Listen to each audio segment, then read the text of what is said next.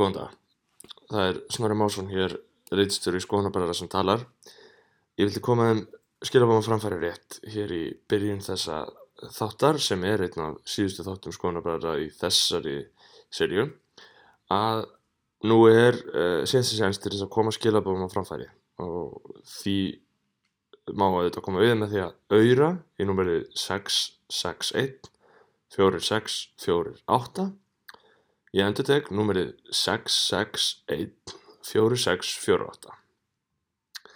Til þess að koma á skilabóma framfæri við skoðanabræður fyrir lokaþáttin sem tekin verður upp á fymtudaginn þá verður þau að auðra þangað núna og, og uh, láta fylgja með texta sem þú vilt að við fjöllum á einhvern hátt um. Hins að tekið það líka fram að þetta er auðvitað ekki síðasta sem til þess að styrkja okkur. Það má gera eilifu og við tökum þeim styrkjum fagnandi. Við vitum að þetta efni mun lifa og það mun vera fólk sem vil styrkja okkur og það verður alltaf vel þegið og einhvern hátt á einn eða annan munum við á endanum telja þá upp sem styrkja okkur eftir að við hægtum að taka þættina.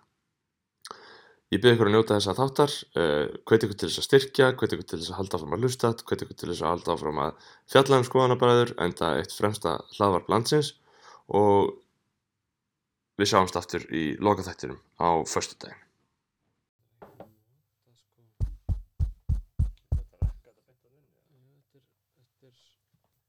virkar að, Það já, virkar núna það virkar að tala í þennan mæk og í einhverja aðra mæk á eintalega og þennan þennan mæk Já, Fyrir hver að bakið um að sé bróðir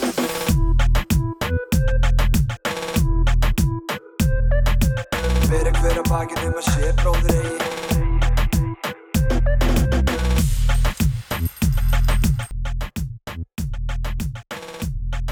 Bara að byrja þess aftur. Jú, við erum byrjað að taka Er að byrja að taka upp? Já. Jæja. Uh, Skofanabræða mættir. Uh, í auka þátt, já, bónustátt. bónusþátt uh, Gesturinn er... Uh, Ég veit ekki hvort það myndi segja að það væri kallmenn vikunar í bónusþáttum Jú, jú, Nei. bara kallmenn uh, kallmenn já, en það er bara, við erum með gest hérna. uh, Það er engin annar en uh, sjálfur bróður okkar, það er ekki eins og inngangur að þetta, velkomin. Ari hæ, Blessaður. Ég er svona svolítið að jafna við henni í beinni eftir áfæll morgunsins Jæja. Uh, Snorri er búin að vera að beisla mikla unglindis, ofbildismanna orku í það, sko. já, maður er búinn að finna á hann og það er smá þúnt Já, en þú veist, ég bara, þú veist, ég finn bara alltaf ábyrðar, skilur Já, þú bara, þú, þú, þú beitir svona fólki í kringu þig andlega ofbildis með, þunglindinu. Ég er ekkert að gera það, ég er bara það Ég hef bara áhyggjur af þessu og minnst þetta þurfa að rettast En, en það er svo óþarfi. Það, En ger, það hverju, hverju hefur ágjur á snarri? Ég, ég hef bara að hugsa, skilur, ok, ef við klárum nú ekki að klára þetta það ná Ja. ekki að fara heim að borða áður en við þurfum að fara á þetta djöðsfokkin fjall Já, útskýru kannski fyrir hlustundum hvað er sem að var. Já, uh, bara eitthvað djöðs tækni við þessum, skilur við komum inn Já. að það er ekkert sett upp, skilur við Já, en Já. þetta reddaðist, það ekki? Jú, vissulega, Og við erum að taka upp þáttið núna. Já, en þetta alltaf ekki nefnum einhver gerir eitthvað í því, skilur og, já það var hérna meistari sem kom bara og kjöt sér lag Já, já, Já. einmitt en, en þetta er það sem ég myndi kalla óþarfa stress Já, Já. já, Já, ég er alveg sammálaði, sko Þú veist, þú getur verið bara, ok, þetta er í gangi núna. Mm, Já, það laga sér þetta smá, ég ætla að gera það sem ég get til þess að laga þetta. Án, Já. án bara- þess að, en, uh, En sem blandast allt sko inn í þetta, sko, þú veist, eitthvað svona, já, við þurfum að ná þessu, við þurfum að ná að gera hitt og þetta Ég er ekki búin að borða í, skilur, sólaring einmitt. Þarna, Já, ég veit það, en það er alltaf bara afsakanir, skilju. Það er svona bara, já, en ég er líka bara fýtt núna, ég það er bara að vera rólegur, já, komið í gang. Einmitt. já, já, Þetta er komið í gang. Þetta er svona frekar mikið þema þáttana. Þú mætir inn, beitir alla andlega ofbeldi með þunglindinu Já, og síðan svona smátt og smátt kemstu í ágætiskap þegar þú byrjar að taka upp. já, það er komið smá glott á hann. Já, já, já. Þetta er alltaf gerast maður. Já, það var mjög intense í náðan.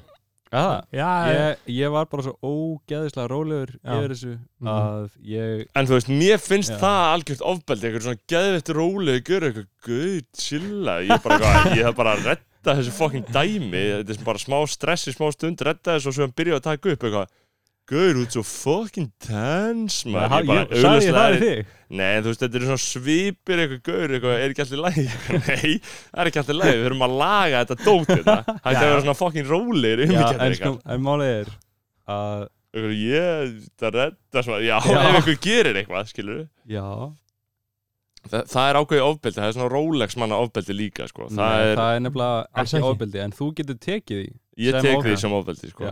Ég þóli ekki gauð slappaði af maður, slappaði slappa af. já, það er engin ástæð til að slappa af hérna. En, málið er sko, þú ert náttúrulega búin að vera núna í mikill keislu. Já, já, það er bara mikil streita sko. Já, þú veit, þú þetta er langvarandi þú veit, bara svona Reykjavík er búin að taka yfir lífið þitt. Já, algjörlega sko. og þetta er náttúrulega sko, þetta er borgkvíðans já, já. Og ég er búin að vera að vinna í alltaf mikil alltaf mikla vinnutíma og, og ég var bara rétt að klára það í gær sko, þegar við tökum þetta upp þannig að Mhm. ég er ennþá að reyna að pústa því út sko. ég er spenntur að fara upp að fjalla eftir aðeins að aðeins að anda að með fjallalofti sko. Mhm. já, uh, einhverju öðru en fucking eitur gufunum sem stíga upp úr holræsunum hérna allstaðar sem að fer um sko. já en núna núna ertu nú að fara til Berlín, eða ekki? jú, jú, ég er að fara til Berlína sko. Mhm. og Það það er mun nú bara vera dálítið smá svona ljós í þínum dimma lífi styttist óflögu það sko. og ég, vo, ég gæti alveg ímynda mér að ég myndi bara fíla það mikið í Berlín að ég myndi ekki koma aftur sko. Þegar Eh, þú gerir það Ari, þú hefur ekkert viljað koma aftur Ég hef ekki farið mikið til Berlín reyndar en... þú... Nei, en ég er að segja eftir þín ferðalög um heiminn. Já, nei, ég hef bara mjög gaman að því að fara í ferðalag, já. Já, Einmitt. mm, Eh, já við þurfum að, Við þurfum að lýsa kynnum- því aðeins. Kynnum að eh, aðeins frá einari. Já, já, Fyrir þá sem veit ekki hver Ari er uh, kalla sig Ari Ma það er svona flippað listamannana Flippað listamanna. Eitthvað, Mhm. heitir náttúrulega bara Ari Másson já, Armásson Mhm. uh, er bróður okkar, fættur árið 90 og meðan ég, Snorri, er fættur 97 og Bergþór er fættur 95 uh, Gekk í Hagaskóla lauk þar námi ætli það hafi verið Vá, þetta er það leiðilegasta sem ég hef heilt Nei, nei, meina- le- Ég skal bara, ég skal aðeins segja fólki Já, já, Já. Sko, ég bara uh, þegar ég var, var í MR og svo útskrifaðist ég og fór í lögfræði Mhm. pældi í. Einmitt. Svo var ég í lögfræði og ég bara eiginlega svona fjekkt allir svona come to Jesus moment það sem að ég sá fyrir ég sá líf mitt spilast fyrir augum mínum og ég fattaði að ég þyrfti að að gera eitthvað sko þannig að ég hætti eftir miðanaprófin Já, hvað er það? Einn mánuður eða? Nei, það er svona tveir og hálfur eða eitthvað svona hálf, hálf önn sko október sem þetta er sko, og örugglega. þá datt ég í þunglindið sem að snorri er Mhm. en þá var ég algjörlega tindur sko. ég vissi ekkert hvað ég vildi gera og var þú veist átti heim í kjallaranum Mhm. bara stanslaust verið að töði manni hvað, ætlar ekki að fara í skóla eitthvað, Mhm. ætlar ekki að klára um, þá fór ég og ætlaði fyrst að verða arkitekt, svo ætlaði ég að verða myndlistamaður, svo ætlaði ég að gera myndasugur og svo uh, ætlaði ég að vera kvikmyndagerðamaður á einhverjum tíma, en svo kom ég bara aftur tilbaka í upplýna drauminn en það var að verða rithöfundur og skáld. Og það sem að rann upp fyrir mér að þessum tímúndi er að til þess að vera skáld þá þyrfti ég að hafa eitthvað til að tala um, ég þyrfti að hafa Mm. eitthvað að segja. Og á þessum tímúndi þá hafði ég ekki hugmynd um neitt. Mm. ég vissi ekki neitt um heiminn. Ég hafði valla gert neitt. Þannig að ég ákvað að leita með þekkingar. Og það byrjaði með því bara að ég var að vinna símasölu, ég var að selja bækur í forlæginu og bara svona. Og svo byrjaði ég alltaf bara að lesa þar. Maður var bara risastóri bókusafni og byrjaði að lesa alls konar svona speki og byrjaði að datt mikið inn í indveska speki. Og það svona eitt lit af öðru og þannig ég ákvað að fara til Indlands og læra eitthvað. Þannig að ég sapnaði mér pening og vann eins og brjálæðingur í nokkra mánuði og svo fór ég til Indlands og fór í sjálfbóðlega starf í skóla og var að kenna í þrjá mánuði bara einhverjum krökkum úr, úr ræsinu, holræsinu sem hún talaði um aðan það hafi ekki verið um 2011 sem þetta var? Jú, 2011 Mhm. og, og það sem ég lærði í þessum skóla var að ég lærði að þú hefur nú gott að þessu snorri að ég lærði að elska sjálf mig. Og fyrir þetta þá hafði ég ekki haft hugmynd um að eitthvað hvernig maður ætti að vera góðu við sjálf sig að því maður var bara alveg upp í Reykjavík og það sem að kalt er í hörðum heimi og líkur hörðum steini. við erum með svona lúterst vinnu siðferði Mhm. já, nákvæmlega að vinnan göfka mannin því meira sem þú vinnur því betri þegn ertu Og Já, and- já. Andar að þeir kvíða gufum út á göttum sko. Já, það, Koma upp úr holræsinum sko. já, það er alveg, það er kyrsla sko og það er Mhm. stress um, en þannig ég lærði að því að allir í skólalbanna, allir krakkarnir, litli krakkarnir bara er í bæja, er í bæja bara kallið mig bróðir og bara elskuðu mig og ég var eitthvað svona já, býtu ætti ég kannski að elska sjálfa mig já, og það rann upp fyrir mér að ég ætti kannski að prófa það og ég prófaði það bara.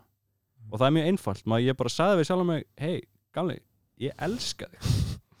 Og þú veist, og ég geri þetta sko oft á dag bara Mm. daglega, þetta er bara þetta er bara, þetta er bara æfing. Mm. og ég segi bara sjálf mig ég elska þig, I love you. Te amo, te quiero. Mm. og ég, je t'aime.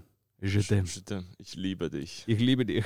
Ó já Ich liebe Ó, dich sehr. um, já, þannig að ég byrjaði að stunda þessa yðju en, að, og að, að elska sjálf mig sko. Mm. og svo var ég alltaf bara á Indlandi og var hann í þrjá mánuði og geggja gæs gamni skólanum og svo kom vinnum minn hlinur og við fórum bara að ferðast um Indland og vorum í fjóra mánuði og uh, ég hitti alls konar svona hugleislu meistara á þessum ferðalöfum sko og fyrsta hugleislan sem ég lærði var bara að anda inn í hjartað og ég veit ekki um það en það ávist að vera einhver orkustöð í hjartaðinu en ég byrjaði allavega að prófa bara að anda rosalega djúpt bara inn í bróskasana mér og bara gerði það kannski 10-20 mínútur og var allt í hennu bara wow, þetta er frekar næs Mm. Góð tilfinning nákvæmlega, en svo fór ég á svona 10 daga huglistanámskeið sem heitir Vipassana það sem að Beggi er að fara í Já. Gerður það 2011? Já. Þannig að beggjara farin að þá er ég formulega búin að missa tvo bræðum mína inn í, inn í einhver svona andlegar stellingar. En ég Já. fíla það, ég er náttúrulega þarf að fara hana end, endanum sjálfur, ég átti mig alveg á því, sko, til þess að frelsast frá, sjálfur Já, frá að þetta og þeim, er- þeim klifjum sem ég ber hvern dag á herðum mér. En út af því að þú sérði alveg auðvitað mun, skilur Já, Þú veist, já, Þú ert miklu þjáðari eða þú ert ekki að spá í þessu. Já, já. En mér líður bara, þú veist, ég held að, og ég held að margir sér samanlega, mér finnst það bara mega sens, maður á að vera þjáður og þetta er, Nei, þetta er, þú veist, þú Nei. ert, þú veist, ormur, þú ert mennskur ormur, nei, skilur Já, en ég menna þið skiljið samt alveg romantíkin í því, það er Nei. nei, ekki neitt. Ekki lengur. Þeir eru bara búin að missa húmor? Að þeir eru búin að huglega svo mikið? Nei, sko, það er alltaf læg að að vera sko, slæmur á því í nokkra dag og það er, þú veist, það er alveg fyndið ef einhver, einhver meistari tekur skell, skilur, einhvern fyndin Já, skell. en það er ekkit það er ekkit romantíst við það að vera bara Nei, nei, en, ég, fastur í einhverjum skell. En það er náttúrulega bara Ég er líka bara, ég, það er náttúrulega bara að bera hendur yfir höfum mér hérna, Það er bara verið að veita stað mér hérna. Það Nei, er alltaf lægi með mig sko. Nei, já, nei, nei. Ég vinn bara í vinnu og það stundum mikið að gera og það maður svona, ah, þetta er svolítið mikið. en komum aftur í sem, þetta er nefnilega ekkert endilega andleg yfkun að Nei, það eina sem þú ert að gera er að þú ert að set, bara setur alveg kjur og þú ert að fylgjast með því hvað er að gerast. Og þú ert ekki að dæma það.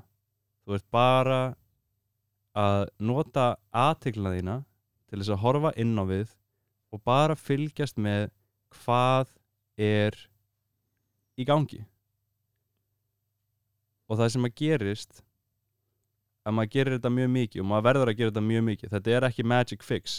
Þú getur ekki bara að fara á tíu daga huljustanamskeið og ó, sætt, ég er búin að heila mig þú færð þá, færð tæknina og svo þarf þetta að gera huljustuna og ég gerði lengi vel tvo tíma á dag. Bara eins og þegar ég kom heim frá Indlandi fór ég að vinna á leikskóla.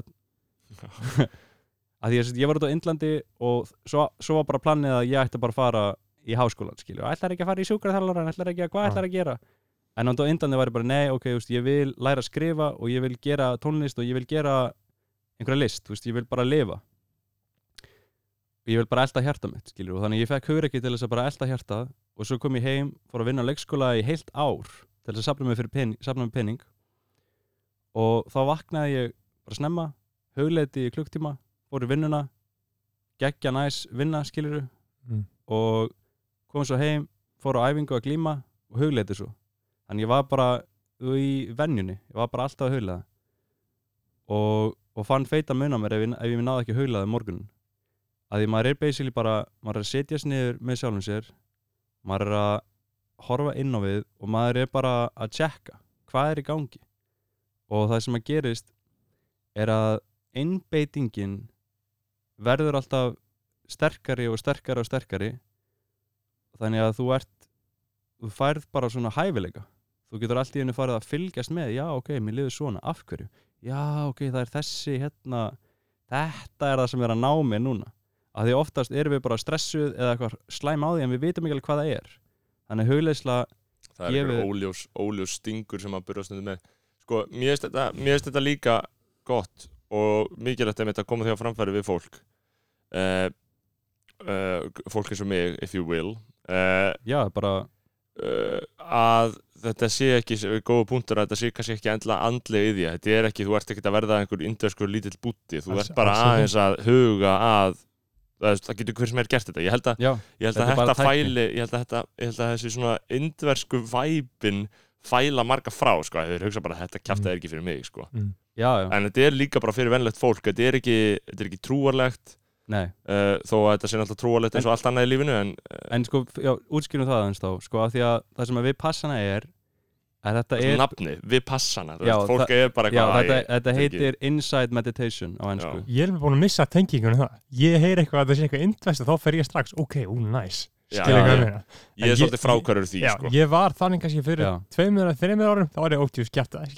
En núna um leið og ég heyri eitthvað sé austurlandst eða eitthvað, þá fyllist ég bara, ok, shit, þetta er epic. já, Já. ég fokk ekki í yfirleitt sko. Ég er bara, æ, þetta er Nei, svona þú vilt bara Nietzsche og ég, ég, ef, ef það er þýska þá er ég til í Já. að sko. og ég bara, sem stuðla náttúrulega að þínu þunglindi en, Já. en ok, en, atna, en ég skal útskýra hvað við passana er þetta er basically sko þegar Buddha var, a, var að kenna þá var hann að ferðast um og var að stopna þessi klaustur og svo var hann bara að hula og fólk var eitthvað, hei Buddha, hvað er ég að gera hann bara hérna er tækni, huletu tjekka á þessu, skoða þið og fólk er eitthvað, "Ei, na, þú veist, en hvað er alheimurinn? Er þetta eilíft? Og Buddha bara, uh, huletu, tjekka á þessu. Bara tjekka á þessu sjálfur, ekki hlusta mig. Um, þannig að við passana er basically svona renaissance af og bara svona upprunnilega buddhisman það var gæi sem að stopna þetta og þetta er ókjöpis þannig að hann er hann, þú bara þú skráði þig, fært plás fært mat og gistingu ókjöpis og hauglislu ókjöpis í tíu daga, já, það er það að sækja um, sko. já það er að sækja Já. um þú ert að skráði er Mhm, kerfi. Mhm. og svo eftir á, ef þú vilt gefa pening þá máttu það. Þá getur þú borga fyrir næsta. En þetta er alveg hreint, þetta er ekki einhver svona, svona núna er ótrúlega mikil tíska í heiminum í dag að vera einhver svona gúrú. Mhm. og eitthvað, hei, hérna, ég veit að það líður ókslega illa en ég er hérna með smá galdrabrað ég er ekki alltaf að kenna þér, þú voru bara að skráði hérna 100 dólara námskeið og eitthvað, þú veist, Mhm. 1000 dólara námskeið.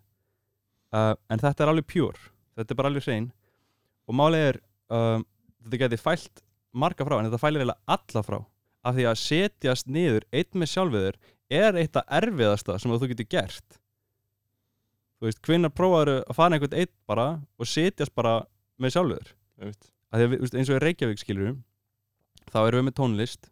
Tónlist hjálpar ótrúlega mikið að því að hún, hún þú hefur eitthvað í gangi, þú ert ekki bara með sjálfum þér. Svona, oh, næs, eitthvað tónlist. Svo hefur podcast, eins og fólk, þú veist ég hlusta ótrúlega mikið á podcastum en að því maður, maður getur bara, þú veist haft eitthvað annað, maður er ekki bara með sjálfum sér. Mhm. maður þarf ekki endalast að vera að hlusta á töðið og, og, og ruglið. Um, og við höfum bara svo mikið þú veist, eins og að vera í símanum.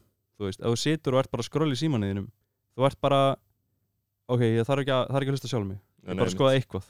Já, bara og líka bara þegar maður gerir eitthvað bara að borða mat og vera í tölvunni Já, og já. símanum Mhm. og maður er bara Mhm. algjörlega áreitis vistlu skilur já, já, maður er algjörlega komin frá sjálfum sér sko Já, það er náttúrulega uh, kannski það sem fólk mætti gera meira að hula Nei, þú veist, það, það, það snýst ekki um að það mætti gera það þarf enginn að gera þetta Nei. þetta er bara, ef að þú vilt tjekka á þessu, þá tjekkar á þessu Mhm. þú veist, þegar ég var yngri var ég algjör svona hugsunamæður ég var eitthvað, ok, wow, ég ætla ætla að reyna að breyta heiminum, skilur en núna er ég bara komin á þann stað að ég veit að ef ég hef innri frið að þá skiptir ekki máli hvar ég er að þá er friðið þar þú veist, nú snýst þetta bara um að ég vil vera í innri friði og ég vil dreifa honum og ég vil tala við þá sem hafa áhuga á en ég er ekki að reyna að selja eitthvað Nei, nei, ég er ekki að reyna að íta eitthvað good vibes á þig nei, nei. Mhm. þú veist, en ég mun samt aðeins svona stríða þér, skilur, ég mun segja Já, Snorri, hei, þú ert í sjálfskapar víti Mhm. já.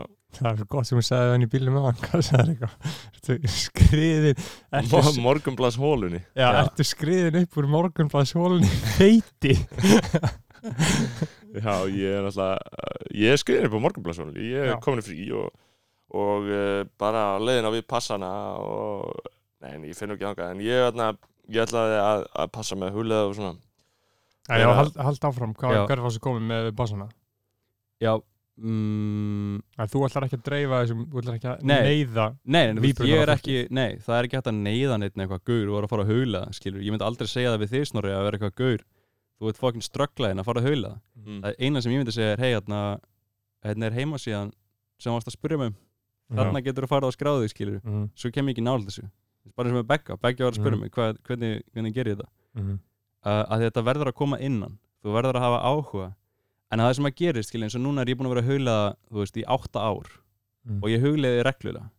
Þetta er bara, þú veist, ef ég er eitthvað stressaður eða eitthvað slæmur á því, sem ég er skilur, það getur pínu litli hlutir bara stressa mig á þetta einhver ástæðu, sko. Ég bý til einhverja, bara einhverja bublu skilur, og þá bara, já, ok ég verða að huglega og þá fer ég bara og sest niður og þetta er eiginlega orðið automatist. Þú veist, ég er ekki að pæla einhverju tækni, ég byrja bara að anda og ég byrja bara að fylgjast með það sem er að gerast og það róa mig já, já, og það er, Mhm. það er aðalpunkturinn við huglistlanu fyrir mig er að þetta hefur róandi áhrif á mig. Og fyrir mér þá er ekkit verðmætara heldur en innri ró ef ég er rólegur, hvað þarf ég annað? Mm, það er heldur gott sko. Já, bara, og þetta er líka ró sem að ég var að búa til að ég var að koma mér inn í það sjálfur. Það var ekkit utan aðkomandi mm, það er svona alltaf að drekki reykja sko, reyna að finna róna mm, en hún finnst ekki áfenginu, hún finnst ekki að botni, botni flöskunar sko. Hún finnst ekki nefn í bæ það er ekkert nema meiri þjáning sko. Mm, en áfengi er samt alveg skemmtilegt fyrir marga. Uh, Já, en já, mér, þarna finnst- ég, veist, ég, ég fæ mér oft rauðvin sko, ég, ég er fínt að fá mér rauðvin Mm. sko en, en, en maður, þetta snýst líka um að veist, maður þarf að kúpla sér út í því að vera að dæma fólk og tala um hvað aðrir eru að gera nýri bæ. Þetta, þetta snýst ekkit Mhm. um það uh, það eru sjö miljardar bara af fólki á þessari plánutu og það eru allir að, núna eru allir bara að fara gegnum daginn sinn. Já, ég hugsa Mm. þetta. Það er ótrúlega mikið í gangi. Og það eina sem við höfum sko valum er hvað við erum við að gera.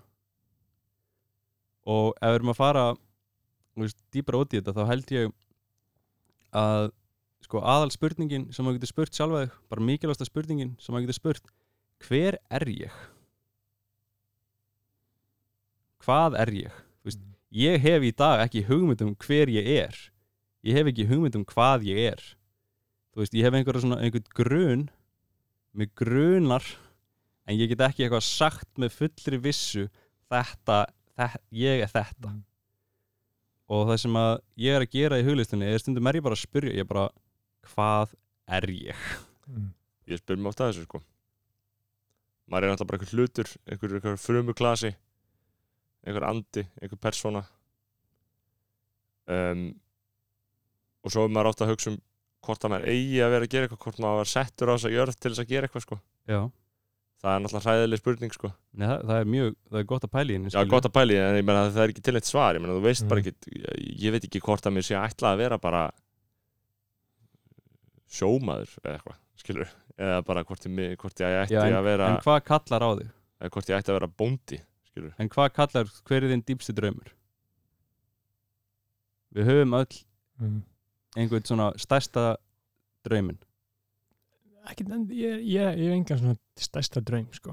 Ekkert eitthvað sem ég veit nákvæmlega ekki. Nei, nei, en, þú ert líka, þú ert núna að fara í ferðar til að reyna að finna skilur, til að tjekka á því, hvað er það virkilega. Já, en svo held ég sko ég er bara farin að halla svo mikið að því að það sé ekkert eitt stórt sem maður á að gera sko. þetta er bara, Nei, þú fæðist bara lifir og hvert ár bara ber nýjar áskoranir og nýjar veislur já, í, í skauti sér skilur þú uh, fara að vinna þarna og svo færi þetta nám og svo kynnistu þessari konu og svo hverur hún úr lífinu og svo eignastu börn og eh, þú veist þetta er bara eitthvað sem flæði skilur þetta er ekkit, Mm. þetta er ekkit, það er ekki til neitt stóra planið skilur Nei, er sko ég held að þjáðast að, ég held að þeir sem þjáist mest eru þeir sem trúa á stórt plan sko, af því að stór Mm. plan gangi ekki upp sko. Þau geta nefnilega virkilega gengið upp og það skiptir bara máli hvað er stóra planið þitt.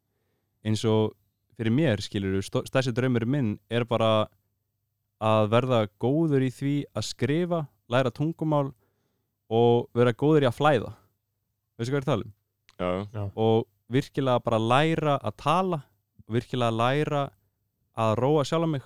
Veist, þetta, þetta eru bara draumandi mínir eins og þú veist uh, eins og ég spyr sjálf mig, veist, af hverju er ég að gera tónlist og aðal ástæðan fyrir að ég er að gera tónlist er að ég vil verða ógeðslega góður í því Já. af því að það sem að ég, það sem að lætu mér líða best er þegar ég er í flæði eins og mástu þegar þú komst í skaftallum daginn og ég var að Mhm. frístæla Mhm. og ég datt bara alveg inn í sónið Mhm. að það er það ánægilegasta ástand sem ég get verið í bara þegar ég er algjörlega í flæði Mhm. þannig að það eina ástæðan fyrir að ég vil gera tónlist er að ég fæ svo mikla aðtikli inn á við það kemur mér í eitthvað hugar ástand það sem að ég er alveg í núinu. Og eins og lífið mitt það byggist á þrýðing þú veist, í miðjunni er bara ást. Ég er bara að verða að elska sjálf mig annars gengur ekki neitt. Og svo er ég með klifrið. Mhm. svona efst, það er svona klifrið heldur mér bara jafnvægi, klifrið heldur mér í tengingu við náttúruna. Uh, það gerir mér sterkari uh, andlega og líkamlega. Og svo hef ég hérna hef ég, þú veist, hinn við þrýðingum þá hef ég hugleisluna jóka og Wim Hof þú veist, ég stundar mikið að fara í kuldan og, og öndurinn, bara bjarga mér og svo hérna er ég með tungumálin og, og tónlistina þannig að lí, veist, ég er í jafnvægi núna loksins, ég er komin í jafnvægi eftir mörg, mörg ár af Mhm. ströggli þú veist, ég myndi segja núna loksins eftir sko, þú veist, núna er búin við ferðalöfum í sjö ár næstu, átta ár Mhm. en núna er ég loksins komin í jafnvægi af því ég er búin að finna öll púslin Mhm. Og það sem að kemur út frá þessum þrýðing er að ég er komið með sjálfsöryggi. Og það, þegar þú komið með öryggi þegar þú ert búin að fatta ok, ég þarf ekki aðtikla utanfrá. Ég þarf ekki eitthvað samþyggi frá einhverju samfélagi. Ég er bara ógeðslega ánægð með sjálfa mig. Þegar maður er komið þangað þá líður manni svo rosalega vel að því að maður er bara ó, veist, ég ástæðum bara samræði við mig þar sem ég bara eitthvað ó, gamli maður, djöðlega eitthvað djöðlega næs að vera þú og bara ég er fokkin ánægð með því skilju og það standaði vel. Þú veist, ég er bara gett góður við sjálfa mig. Mhm. og af því að ég er búin að vera þú veist, að, að reyna að gera tónlist núna í átta ár að, og það, þú veist, hún er búin að vera hræðilega lélega oft, skilur maður verður að gera ömulegt stöf og núna loksins er ég komin á staði sem ég er eitthvað, ok, ég er búin að fatta eitthvað ég er búin að læra, ég get núna gert tónlist sem ég er ánægð með, loksins. Það er búin að vera fucking journey. Þannig að ég held að það sé daldið sko daldið gott fyrir svona veist, það þarf ekki, þarf ekki endilega að hafa plan en það er mjög gott að hafa eitthvað plan en þú þarf ekki endilega að fara eftir. En ég held að það sé mjög gott ef maður er með eitthvað svona til að vinna að af því að ég held að það mikilvægasta í lífinu að eitt af mikilvægasta eru bara að vera með hæfileika og bara vinna í hæfileikum. Af því að þú ert góður í einhverju eins og þegar ég, þú veist, fyrir tveimur árum þreimur árum, þá lendi ég sinni í svona hólu það sem maður bara slæmur að því og þá var ég okkar, já, býtu, en Ari, manstu, þú talar hérna nokkuð tungumál já, ok, þú veist, það er eitthvað svona það er bara til fyrir, fyrir sjálfströst fyrir, Mhm. fyrir öryggið Einmitt. Einmitt. Já, já, það er, það er gott að, að þróa eitthvað með sér og æfa sig í einhverju, sko. Það er líka bara svo gaman að æfa sig í einhverju, sko. já, En sko, að við förum yfir uh, fyrir hlustendur, þeir kannski endilega vita ekki uh, lífstílinn sem þú hefur lifað núna síðastlegin, hvað, átta ár já, og þú ert þá alltaf bara unnið í þrjá mánuði, eða fjóra svona fjóra, fjóra, fimm. Já. þar sem ég vinn bara eins og brjálæðingur Já. og spara bara allan peningin, Mhm. ég, ég kaup mér ekki föt Nei. þú veist ég svona þegar ég sé eitthvað svona, já, þessi gaur var að kaupa sér einhverja peysu á 100 áskall, það er hægt að gera það í dag. Það er hægt. Þá er Það ég bara, þá, já þá segi ég bara, já, sæll, þetta er flugmiði til Thailands mm. ég hugsa bara peninga í frelsi. Ég vinn mér inn peninga ég eigði ekki krónu, þú veist, ég borða bara hrísgrón og linsubönir og ég bara þú veist, ég leifi mér rosa takmarka, en þú veist, svo fæ maður alveg rauðvín, kaup mér belju og Ég er ekki- ég er, ég er aldrei svangur þú veist um, en ég bara, ég eigði ekki peningum í neitt spara allt og svo lifi ég bara mjög þægilegu lífi í einhvers staðar í útlöndum sko og þú veist, ég, ég ferðast með tjald mikið Mhm. þannig að maður getur þú veist og, og fyrir mér það eru svo mikil forréttindi að geta að vera frá Íslandi og geta unni sér inn peninga bara ég er bara að vinna Mhm. lámarks launastarf bara lámarkslaun og maður gerir það í nokkra mánuð og sparar allt eigið þið ekki Ertu ekki búin að vera núna landvörður í skattafelli í þrjú ára? jú, er þetta er þriðja, jú, árið? jú, jú, svo var ég Ásbyrgi Já, en þú ert með landvararéttindi. já, Er vissin að fá þau, já? neða tökum mánuð Já. og þá var maður bara vinnandi á landi og mm. og, og eins og fyrir mig skilur þá er svo mikil heilun í því að vera í náttúrun þar líður mér miklu betur þar líður mér bara vel af því að það er miklu minni háaði það er allt, það er allt öðruvísi tilfinning. Já. og þú, þú svona einhvern veginn er að flýja þetta aldrei samfélagið. Það er key. Mm fólki vantar tengingu við náttúrun og tengingu Guð. Já, sko, ég, ég, ég, ég veit ekki endilega hvort við getum talað um einhvern svona fólki vantar eitthvað. Mm. maður myndir alltaf segja að fólk vantar en það notu við þetta Já, í Auðvitað. Já, en, en þarna þú veist, við höfum við höfum öll bara tækifæri á Íslandi til þess að skapa lífið okkar. Og við höfum tækifæri, við höfum frelsið til þess að velja vandamálun okkar. Og það er frelsið fyrir mér að velja hvaða vandamál vil ég hafa í lífinu. Það er heldur, Mhm. heldur góða punktur sko. Maður náttúrulega velur hvað maður ætlar að láta skipta máli sko. Mér finnst það- aðlega góða punktur að, að því maður er einhvern veginn alltaf að reyna að greina þetta út frá öðru fólki. En maður Já. þarf ekkert að hugsa Nei. út í það.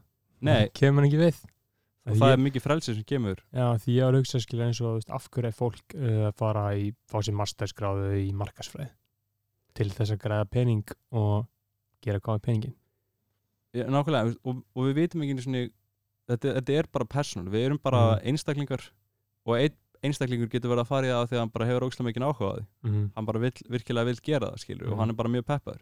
Það er ekkit allir sem vilja fara í ferðalög Nei. þannig að þú veist, einu sinni var ég miklu meira svona pæli hvað svona, á okkur að fólk var að koma til mín eitthvað, ó Ari maður, djúið var ég til í að geta gert það sem þú ert að gera og ég bara, já þú veist, þú getur það en fólk endalega vill það ekkert Mm. um, þannig að ég er alveg hættur einhvern veginn að reyna að hafa áhrif eða svona íta fólki út í eitthvað að það er bara, maður er bara að eyða tíma Já. maður verður bara að fókusa á sjálfa sig og, og komast í jafnvægi Mm. og það er bara feitt mikil vinna sem fer í það og það sem ég tek líka eftir því ef maður hættir að dæma sjálfan sig þá hættir maður að dæma aðra. Þegar þú ert að dæma aðra þú ert bara að dæma því að þú dæmi sjálfa svo mikið. Já það er náttúrulega líka fyndið að fyndið að maður þurfa að eyða löngum tíma í að komast í jafnvægi eftir að hafa maður er eiginlega að að jafna sig á að hafa lifað í samfélagi sem er kannski með ákveðin gildi sem eru kannski ekki sérstaklega til þess fallin að láta fólki líða vel skilur þannig að maður er að jafna sig á að hafa Já. alist upp upp Mm. skilur Það bara borg fer- það fer bara mikil vinna í einmitt að, að vinna aftur ákveðna hugmyndir sem maður er komið með skilur já, uh, og það er öllum hálft sko Mhm. en En ef við förum aftur, kannski við sko rekjum uh, í gegnum uh, spjallið. já, ferðalögin Já, rekjum sko, síðast við vorum komnir þar sem að þú ert að vinna í leikskólanum. já, ég er í vinnuleikskólanum og svo var þar í heilt ár og svo Mhm. fekk ég starf sem landverður og þá var ég búinn að salfa með pening bara í, já, bara ótrúlega langan tíma sko. Mm. og átti bara heima hjá mömmu og pappa í kjallaranum og, og bara veist, að fá 200 skall á mánuði Mm.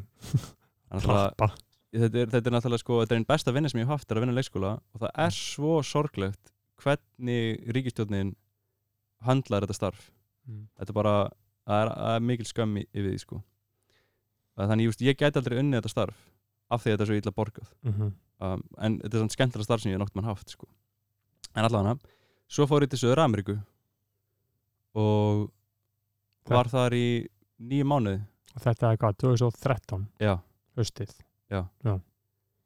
og, og skrifaði svona litla bók á Mm. meðan ég var að ferðast bara um ferðalagið og, og lendi bara frekar helluðum æfinturum og þar fór ég líka að leita af einhverju til að gera að ég var svona okkur hvað virkilega vil ég gera? Þannig ég prófaði að fara veist að kajak sem var fokkin ótrúlega skeri Mm. bara meikaði ekki það var svo hræðileg tilfinning að vera svona kvolfi og þurfa að snúa þér með eitthvað svona eskimóruli Mm. Já, það var, mjög, það var mjög tens fyrir mig Það var alltaf Já. intens Og svo prófaði ég, þú veist, að kafa Prófaði að fara í falli á stökk Sem ég mæli indreið með Mm. uh, En svo fann ég bara klifrið Og ég fann klifrið og ég var eitthvað Wow, þetta Þetta er eitthvað fyrir mig Og svo spólum bara hrætt áfram í gegnum þetta Svo fór ég aftur til Íslands Var að vinna, vinna, vinna, vinna, vinna, Og svo uh, sérst, Ég egnaðist kærist út í Suður-Ameríku Og við ákvæmum að flytja til Amsterdam Flytja til Amsterdam, var þar í nokkru mánuði já, svo kom- ég var bara að gleyma því ég það, er- það er mynd.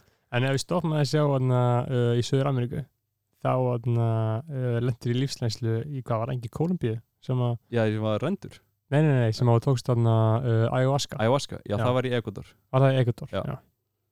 Já, Ég getur að sagt hlustendum aðeins frá því. já. Hvað það er og í rauninni hvernig, að því ég hef lesið bloggið Já, ég mæli með að allir lesa, sko. Ég bent nokkur máða þegar maður var að tala um ayahuasca, sko. Flakkari, já, já það sem það er enda svona- uppi flakkari. Það sem er heilt póstur um uh, ayahuasca uh, reynsluna. En ef þú getur sagt sko ayahuasca er bara ótrúlega uh, intense uh, liv og ég mæli bara alls ekki með að fólk fa fara að gera það nema að sé virkilega Mm. finni kallið sko því að þetta er mjög óánægileg upp upplifun. Þetta er rosalega hreinsun sem þú ferði í uh, og það sem að það sem að gerist, þú veist, við fyndum og ég, ég bara var eiginlega bara alheimurinn, hann var bara, hei, viltu prófa ayahuasca, það var bara gaur frá, frá Chile sem ég hitti hann fyrir tilhörun og hann var eitthvað, já, við erum að, þú veist, ég er að leita með saman og ég hef prófað ayahuasca áður. Og ég var bara eitthvað, ú, ok ok, þú veist, og ég það, ástæðan fyrir að ég vildi Mm. fara í þetta er að ég var að, veist, skrifa og ég vildi bara hafa eitthvað að skrifum mm. veist, og ég vildi líka bara sjá hvað, ég, hvað myndi gerast og hvað myndi læra og svo bara erum við komin reynd lengst út í fremskóin og ég var svona, já, ok, þetta er samaninn ok og það er dimmt og það er komið kvöld og, og svo bara réttir hann okkur svona lítinn bolla og þetta er bara svona segfljótandi þykni sem er ótrúlega slæmt á bræðið Mm. drekkur þetta og það fær svona, það fær svona hrollur um hann bara uh, og maður þarf alveg að halda því niðri. Og svo bara svo setjum maður bara það var bara svona lengst út í frumskói, bara Mm. heyrir í frumskóinum og alveg dimmt og, og vorum, vorum þrjú að drekka þetta með sjaman eða segkall og svo byrjar þetta bara að inn sko og þá var ég svona, oh my god eitthvað, oh, djöfull liðið mér illa. Það liður hræðilega sko. Og þetta er svona eins og rosalega djúb huglisla sem byrjaði fyrir mig nema ég hafði enga stjórn á henni. Það var mjög óþægilegt, maður hefur enga stjórn. Það er bara, það er komin einhver andi skóar eins og ég veit ekki hvað er. Ég hef ekki vísindilega þekkingu til að tala um það. En á svona mystiskum mystiskan hátt, þá er þetta eins og það er bara það er bara eitthvað sem tekur yfir mann uh, sem kemur þá úr plönturíkinu. Eitthvað mjög dulafullt og um, já, og svo var ég bara komin í rosalega djúpa huglislu það sem að ég var bara ekki lengur ég, heldur var ég allt. Kannski einfaldasta leiðin til að útskýra það. Ég var bara allt og það endist í einhver tíma og svo kom ég úr því og þá þurfti ég bara æla og guppa og kúka. Þannig ég var bara þá, þá byrjaði hreinsunin sko. Þannig ég var bara að æla og ótrúlega slæm gubbupest sem byrjaði Mm. þú veist ég bara ældi úr með lungunum svo fekk ég niðurgang fór að klósa það var bara, þetta var bara hræðilega óþægilegt sko. Það varst bara að skiptast á æla og kúka og æla og kúka. En svo þegar ég var búinn að fara í gegnum hreinsununa þá satt ég hann eftir og ég var bara wow, hvað mér líður vel núna að þú ert búinn að fara í gegnum eitthvað helviti og svo ertu allir aðeins búið? Og það var bara, oh my god. Og þá fór ég að sjá þarna fekk ég eina hellaða sín það sem að ég var á Íslandi fyrir landnám. Bara sá Ísland. Eins og ég var á vestfjörðum, sá eitthvað svona rosalega djúpan fjörð. Og svo þá var það bara stórir byrkiskóður og, og engin menn komur svo sá ég bara eins og verið að hraðspóla eitthvað vídeo þá sá ég bara fólk koma á einhverjum knörrum eða knerrum eða hvernig ég segja það, Mm. ég veit ekki. Knörrum, knörr frá knörrum til knarra. Já, á knörrum. Þeir koma á knörrum. Og ég sá bara landnámið gerast fyrir Mm. mér. Og, og svo allt í hennu þú veist, sá ég landnámið gerast bara eins og verða spólað anfram á vídeospólu og svo satt ég svona í síninni satt ég svona á hestvagni bara svona kannski á átjöndu öld engstaðar á Íslandi. Og ég upplýði bara að öll mannkinn gerðist bara á sama hraða og við erum að upplifa tíma núna. Mm. þú veist, maður, að því maður lesi upp og já, 100 á liða, en þetta bara gerðist ógesla hægt bara, og ég, ég upplýði það bara. En það var fyrir ekki hellað. Mannkinn sagan já, mannkinn sko. En, í bóði ayahuasca. Já, en málega er sko, en svo þú veist, svo var ayahuasca bara algjör hreinsun og daginn eftir, þú veist, það var bara eitthvað, ó, ok, þú veist, verður að gera jóka hverjum degi og bara var geðað mikil ást í mér og var ótrúlega bara svona endur nærður og bara, ætla að vera græmmetis þetta aftur og þú veist, þannig að urðu svona stóra breytingar á mér af því að, veist, hvað er þetta, 2013? Já, og líka, þú veist, maður, maður ef maður er að ljúga að sjálfum sér og við ljúgum öll að sjálfum okkur Mm. að þá kemur það að það var bara ljósi á ligarnar eða þú veist, ef þú með eitthvað svona blokk eða eitthvað skilur, ef þú ert að forðast eitthvað þá er að fara að sína það en ég mæli alls ekki með því að fólk fari og og prófi það nema að sé virkilega að kalla á, á sig sko. Myndir, myndir mæla með þessu fyrir mig? uh, ekkert, ekkert sérstaklega sko. Bara, ég myndi bara þú veist ég myndi ekki fara eins og fyrir þig ég myndi ekki senda þig í þetta eitthvað fara, fara út í þetta, þú þarft ekki á þess að halda Nei. þú ert bara góður, þú ert bara að huglega Mm. það er það mikilvægsta, hugleyslan Mm. öll svona önnur lif eru geta, þú veist, hjálpa manni Mm. en þau er engin laust en hugleyslan er laust, bara langtíma laust Mm. þannig ég mæli miklu frekar bara, ég er bara rosalega ánægast að fara að huglega sko. Það er svo fyndið hvað fólk er ólíkt sko, þú veist, bara að, að einhver myndi stinga upp á að vaska við mig bara ekki að ræða ég er svo hrættur sko, ég er svo hrættur sko mm ég er svo hrættur við að missa ef ég nota svona stút sko já, og þá Ég- er eins gott að nota ekki, af því þá missur það þetta sko. Sko, ég var þannig En Mm. núna er ég svona, ok, shit, maður, ég þarf að að prófa sveppi Ég þarf að að prófa Já, skilur. Ég er svona að finna núna Mhm. svona, að því að, já, mér langar að prófa MDMA sko, en mér langar ekki að prófa eitthvað sem sko lætur mig sjá hluti á ólíka, eða öðru Mm. sjátt, ég vil bara eitthvað svona sensuelt eitthvað svona skinnfæra flip sko. Er það, er það ekki bara eitthvað dóp eða? Jú, ég, ég er bara að prófa Það. Sko, má, málið er að MDMA, það er komin núna vísindalega rannsóknir að þetta er besta uh, eða svona undralið við að hjálpa fólki að díla við streytu áraskun eins og þetta ykkur Hermann Já, sem var í Írak. Og gefur hann MDMA og þá getur hann alltaf talað um það og hann getur Mhm. enda að upplifa þetta hræðilega stöf Já, en eins og, með, eins og með MDMA skilur ég myndi alls ekki mæla með að þú myndi fara að taka MDMA Nei, nei. Þú veist, eins, og, eins og hvernig fólk tekur þetta það ber ekki virðingu fyrir þessu og þetta er ótrúlega uh, intense liv Já, og ef, maður, ef einhver er að fara að gera þetta þá, ver, þá verður eiginlega að gera það í einhver svona heilari atum mm. af því að þú ferð ótrúlega hátt upp en svo ferð ótrúlega lágt niður Já. og það er bara mjög erfitt og fólk gerir þetta þú veist ég vil ekki fara niður sko nei þú veist eins og fólk gerir þetta til dæmis uh, þú veist í Reykjavík það bara ok, komin helgi, ég ætla að fá mér MDMA á föstudeginum og svo aftur á lögudeginum bara Emma, Bomba og Paloma sko. Já. já, þetta, þetta er Mm. rosalega um, þetta, er, þetta er rosalega þetta getur verið rosalega bara af því að Mhm. þetta getur bara stiktir þér heilan þú verður að taka Já. langa pásu og þú Mhm. verður eiginlega að skilja Trúið mér, ég er ekkert að fara að gera þetta sko. Ég er Nei. alltaf bara að fantasera sko. Þú ert að fara til Berlín sko. Ég er að fara til það Berlín er bara sko. 16 ára krakkar að poppa þetta En ég meina, en e-pillur skilur er, það er, það er bara, það er bara er MDMA það ekki bara blandað. MDMA? Jú, það er bara, þú veist, það getur bara verið mjög slæmt. Já. Já, ég er að passa maður Já, ég fokk ekki með því sko, en Nei, Ég nenni ekki að deyja sko, ég nenni ekki að deyja á einhverju djús nastasíru sko.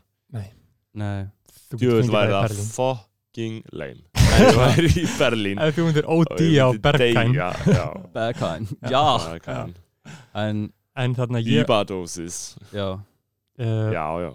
Já, en þetta er svona bara kannski fýtt punktur eða þessa, að þú myndir ekki mæla með þessu. Nei ég, öll svona ofskinnulíf mm. þetta eru bara þetta er, það snýst svo mikið um með hverjum þú ert Mm. hvernig, í hvað ástandi ertu Já. Eins og að þú og Snorri myndi fara og gera þetta eitthvað tveir saman, Snorri myndi bara stressa þig. Já, Snorri geti eða alltaf tripp fyrir þig, af því að hann væri bara að stressa þig skilur já, þannig að þú, Já, ég var alveg heyrt af því þegar einhverju vinnum hans er að gera svona shit sko. það er einhver eitt sem fer á eitthvað slæmt og, og þá er þetta ónýtt fyrir öllum Já. og allir eru bara eitthvað, já, þetta var alveg ömulegt sko. Þú veist, það þarf bara að fara rosalega varlega og ég, ég mæli bara að fólk kynni sér, það er hérna bók eftir Michael Pollan.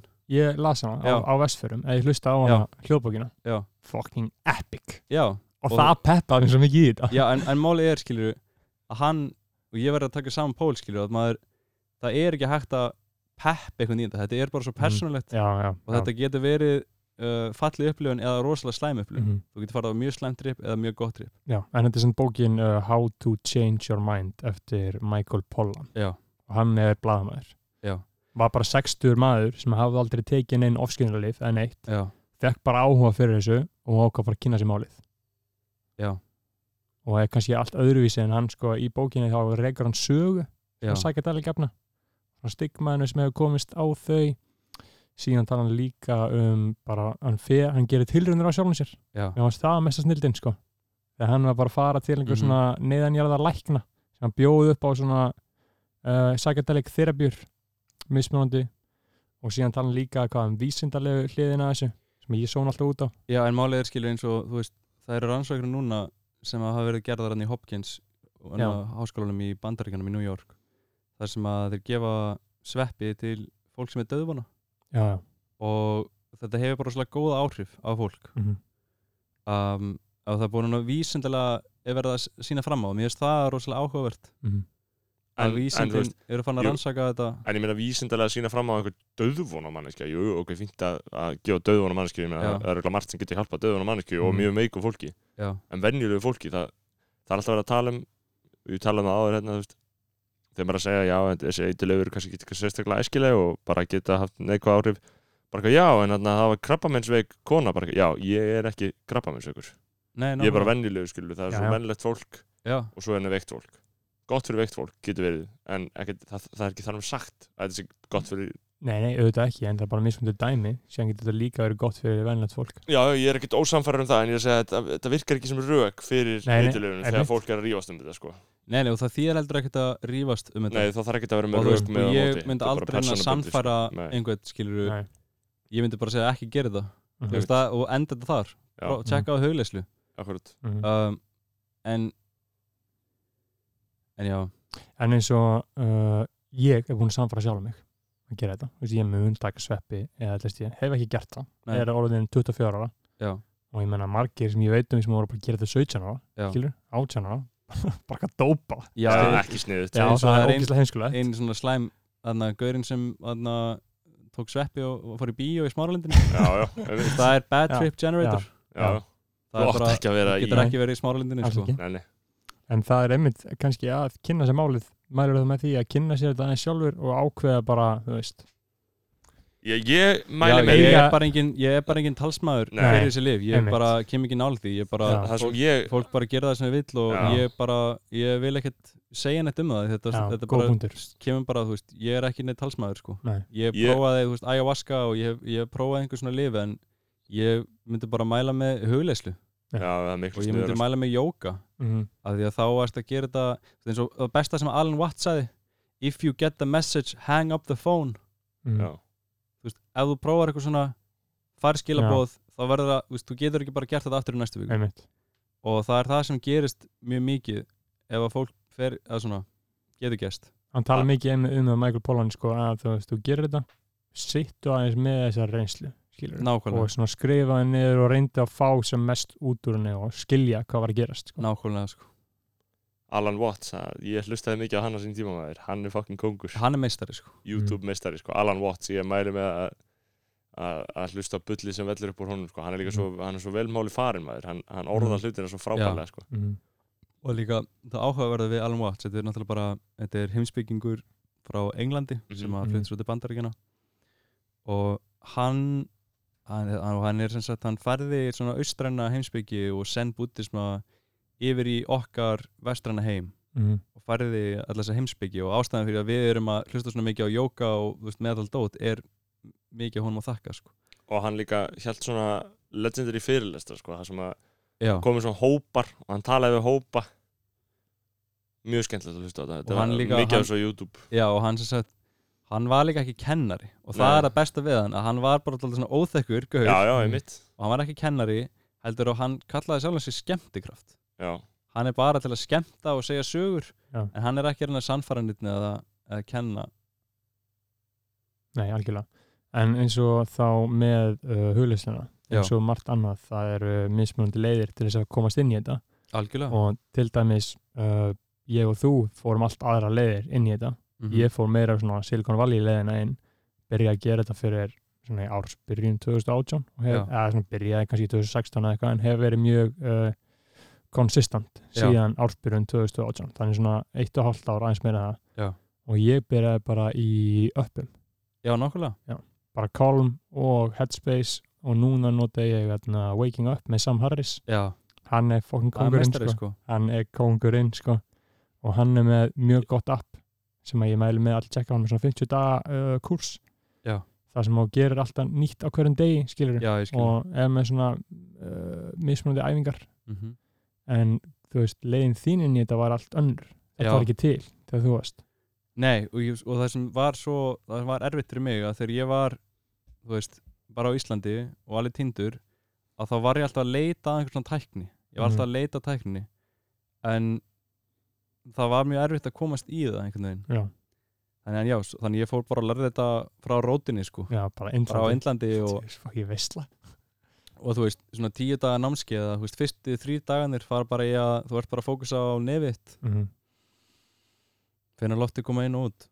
Og bara svona skerpa á huganum. Mhm, og svo byrjar að veist, ferðast um líkamaðinn gegnum hugan, skilur bara eins og núna ef þú hugsaður um puttana þína og byrjar að finna fyrir þeim. Mhm, maður getur gert það, maður er basically bara að gera það með allan líkamann.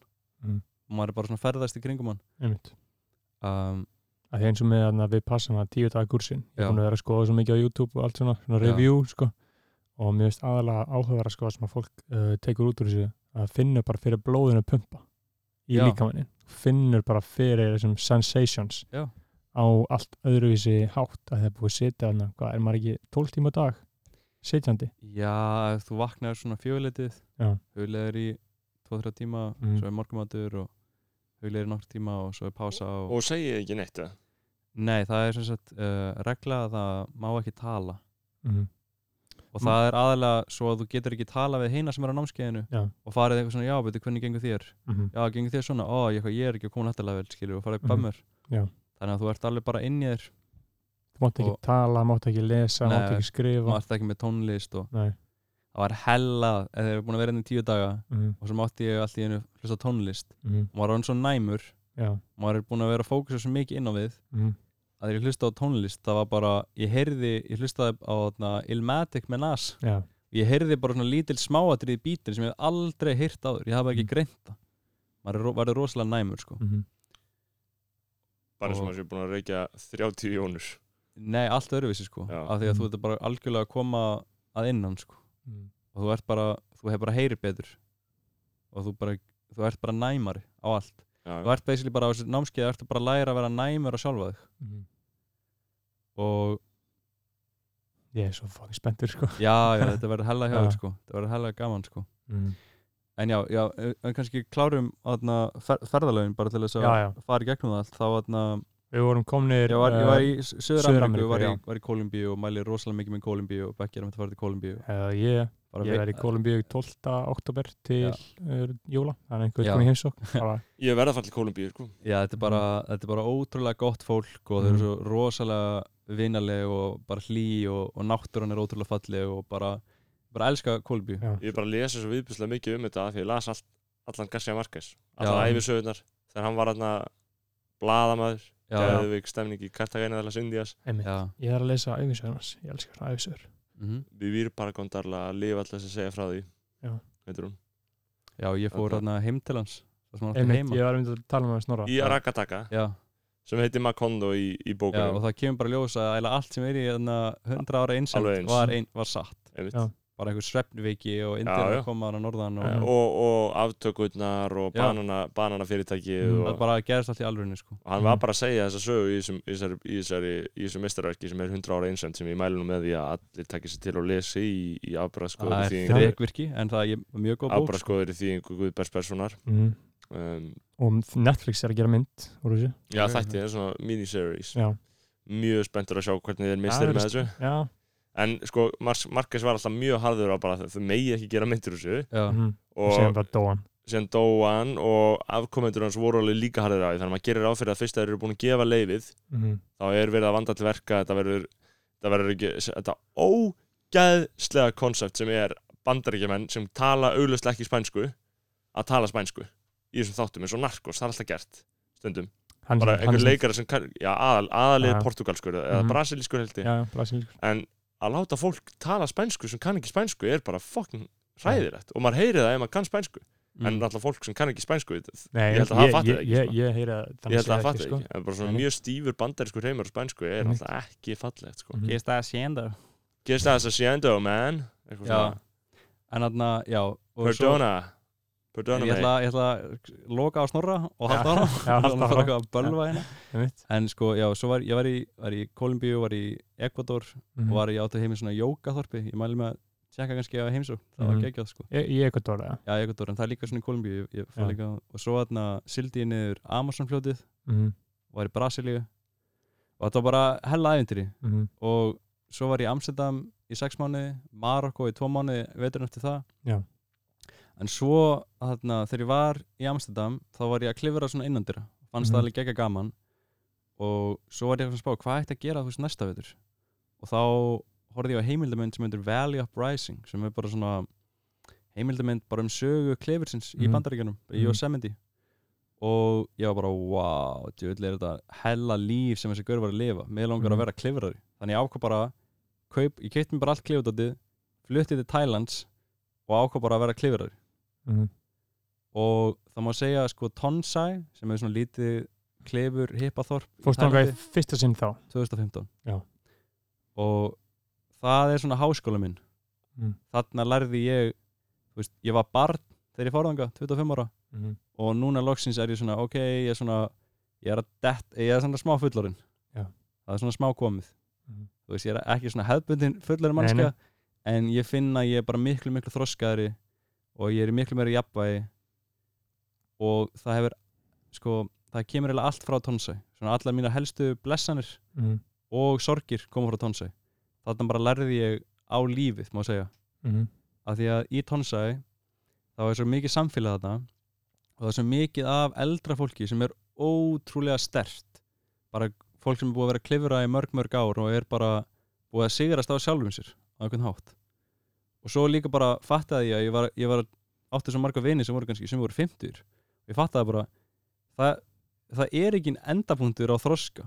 Fólk annarkvort lifir og þroskast eða það bara þroskast ekki neitt. Og ég þekki Mhm. fólk sem er 55 ára það er bara eins og vera með 16 ára strák. Þú veist, það er ekki búið að þroskast neitt. Það er ekki búið að neitt vera að vinna í sjálfum sér. Og ég fattaði bara, wow, það er engin pressa á að ná neinu eða gera neitt fyrir einhvern ákveðin aldur. Aldur skiptir bara engu máli þannig að það er svona frelsaði mig aldrei undan frá svona söguþræðinum Mhm. sem að okkur er seldur bara já, þú veist, þú ætti að fara að gera þetta klára master, svo ætti að fara í einhversu konu og svo ætti að eignast börn og svo ætti að taka lán og það frelsaði mig rosalega mikið frá þessu Mhm. og, og svo fór ég aftur næsta ár uh, fór, ég, fór ég til bandaringina var þar í tvo mánuði bara með Mhm. nýju vinum mínum sem ég kynntist í Tonsæ Já, en þú hefur alltaf komið heim uh, Já, á sömurinn á og unnið sko. þér algjörlega Já. Bara vinni svo brjálæðingur og spara allan peningin Mhm. En ég er alveg samanlega að þú ert orðin fullorðin sko. Ef þú ert orðin fullorðnari Það Já. var aðeins erfiðar að eiga, já, já, já, eiga við því á, á árum áður sko. Sko, Svona Mhm. að svara fyrir alls, alls konar sko. Og algjörlega nú er þetta komin í smá einmitt, Ég fíla einmitt uh, Þá hugmynd að hver og einn alltaf bara bera ábyrða sjálfur sér sko. Já, Það er algjörlega ómögulegt að lifa lífinu fyrir aðra sko. Það er ekki hægt. Eða, Ég- Í skilningnum sko að, að innunni lifa því fyrir þá Þú veist að, Mhm. að kenna þeim að lifa. Þú getur ekki kenna þeim að lifa Hann bara er að svo jörðu og já, fer sína leið sko. Ég er alltaf að reyna að vinja þessu að hætta að spá í öðru fólki. Ég, Hvað það er að gera, bara ok, hann er að gera þetta. Mér er drullu sama. Mhm. bara, Eða það bara, já, það er gott. Og- að, og það sem, þú veist, það sem ég var til þess að gera um daginn, skilji, ég var vinn sem er alltaf búin að vera að tokka tokki, bara ég er að fara að gera tónlist og ég er alltaf, að gera, Mhm. alltaf að fara á leiðin að fara að gera eitthvað. Mhm, og þá finnst mér mjög fínt að taka real talkið bara Mhm. hei, aðna, ef þú ert ekki að fara að gera þetta aðna, núna, þá ert aldrei að fara að gera þetta. Mhm. ég er bara að vera meðvitaður um það og svo bara, en ég ætla ekki að spá í þessu. Mhm. Veist, það, ég held að það sé mjög gott að